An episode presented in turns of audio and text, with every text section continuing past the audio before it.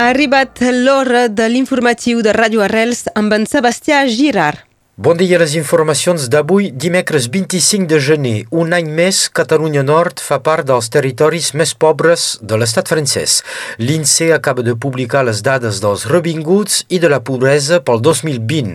Lluny de la regió parisenca i de les capitals regionals, els catalans del nord vivim de mitjana amb menys de 20.000 euros anuals per cada llar. Arreu de l'estat francès, la pobresa es concentra al nord i a la costa mediterrània Mediterrània, cal remarcar que Catalunya Nord i la resta dels antics departaments de l'antic Llenguadoc-Rosselló es situen entre els més pobres. Dues clíniques del Vallespí seran deslocalitzades al Rosselló, precisament al Mas de la Garriga, a Poiestres. El batlle Jean-Charles Moriconi ha oficialitzat l'operació que ha obtingut el vistiplau de l'Agència Regional de la Salut. Els dos establiments seran reagrupats amb la creació d'un pol de geriatria cures de readaptació i un centenar de llits de cures pal·liatives. Les obres de construcció s'engegaran el 2024. Molta feina pels bombers ahir amb tres incendis, el més important al carrer Major dels Angles, on el foc s'ha calat a un immoble de residències fins a cremar-ne el terrat. Un poc més tard, un incendi va destruir totalment el garatge d'una casa particular a Sant Feliu de Vall, un incendi a causa d'un disfuncionament elèctric. I per acabar, els bombers van haver d'intervenir també a l'avinguda del Llenguadoc a Perpinyà, on cremaven pneumàtics en un batiment abandonat. L'afer Pegasus esquitxa un més l'estat espanyol. La Unió Europea enviarà finalment una missió d'investigació a Espanya per estudiar aquest cas d'espionatge a gran escala de polítics, persones i entitats lligades al moviment independentista.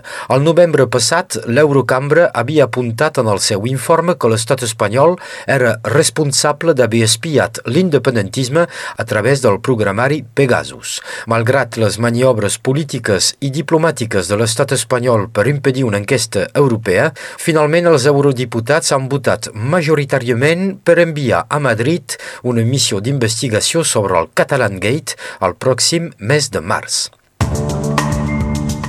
A l'estat francès, nous problemes judicials pel president de la Federació Francesa de Rugby a 15.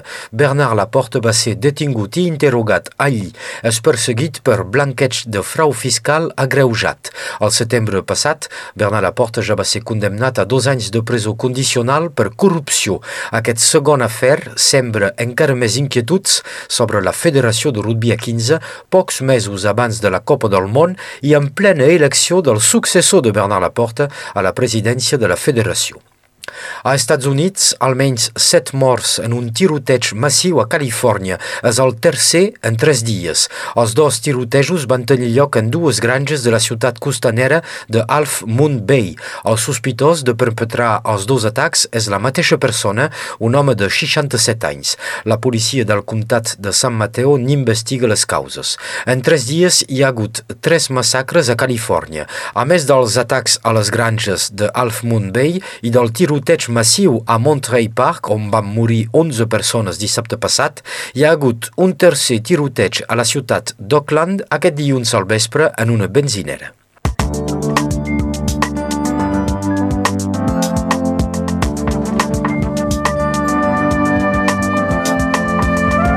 Moltes gràcies, Sebastià. Passem ara a l'informació del temps amb Meritxell Cristòfol.